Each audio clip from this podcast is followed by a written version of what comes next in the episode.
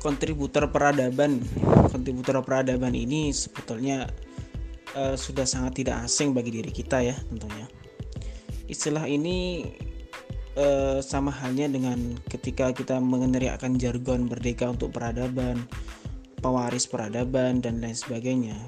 Kontributor peradaban ini kita dituntut dalam hal fakta dalam hal praktis di lapangan bahwa kita harus bisa bisa berkontribusi untuk peradaban ini dengan cara apa?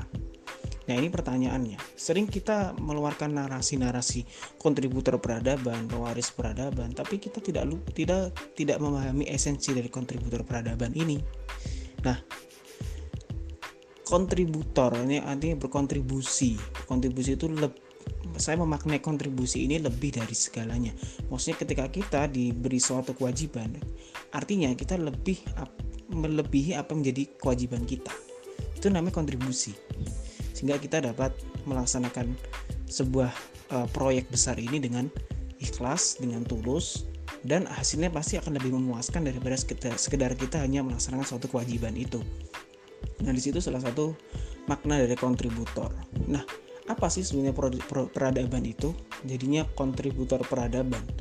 Bahwa kita itu dituntut sebagai generasi muda dan secara umumnya dan khususnya sebagai kader-kader dakwah bahwa kita harus bisa menjadi agen-agen perubahan, agen-agen yang siap menebarkan menebarkan kebermanfaatan dan kebaikan untuk masyarakat. Itu sudah berkontribusi untuk peradaban.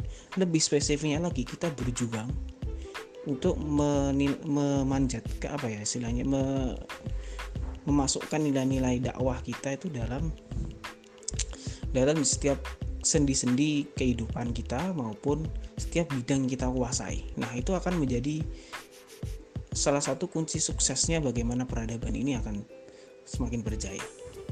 Kuasai di setiap bidang-bidang yang kita kuasa, yang kita kuasai, maka kita akan memberikan suatu peradaban ini suatu yang menjadi rujukan bagi banyak dunia. Sekarang kita kan peradaban hanya pada barat, hegemoni barat dan lain sebagainya. Tapi kita melupakan bahwa peradaban barat itu sebenarnya muncul karena adanya peradaban Islam.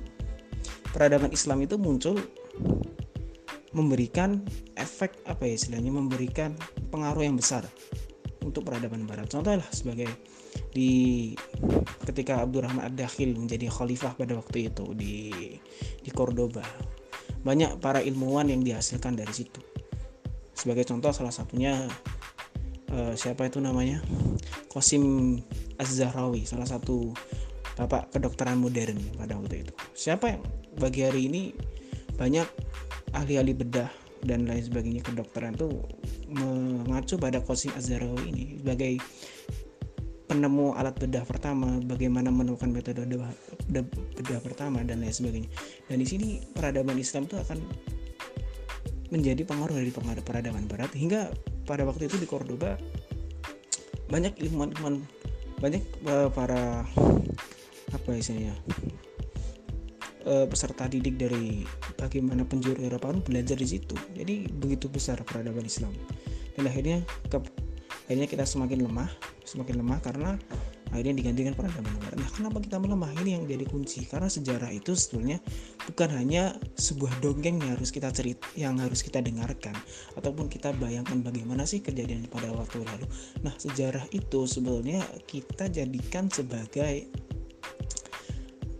pelajaran, jadikan sebagai hikmah bahwa sejarah itu jika baik, maka kita ambil nilai-nilainya untuk terapkan kehidupan sekarang. Jika buruk, kita antisipasi bahwa kejadian yang lalu itu tidak akan kembali lagi pada kejadian sekarang. Nah, itu poin utama bahwa kita kenapa sih peradaban Islam itu sampai sekarang menjadi menjadi semakin lemah?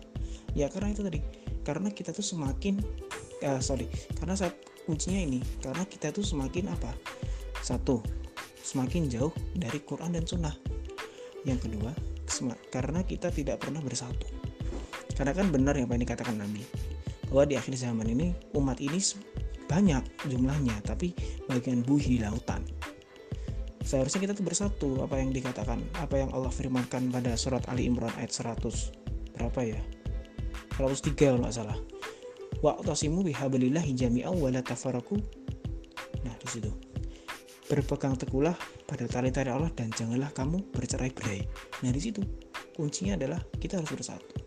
Dan puncaknya pada 1924 sudah kita tidak memiliki khilafah Islam lagi dan peradaban kita total kita harus dipaksa untuk mengikuti hegemoni barat. Nah seperti itu maka kita harus kembali kepada Quran dan Sunnah.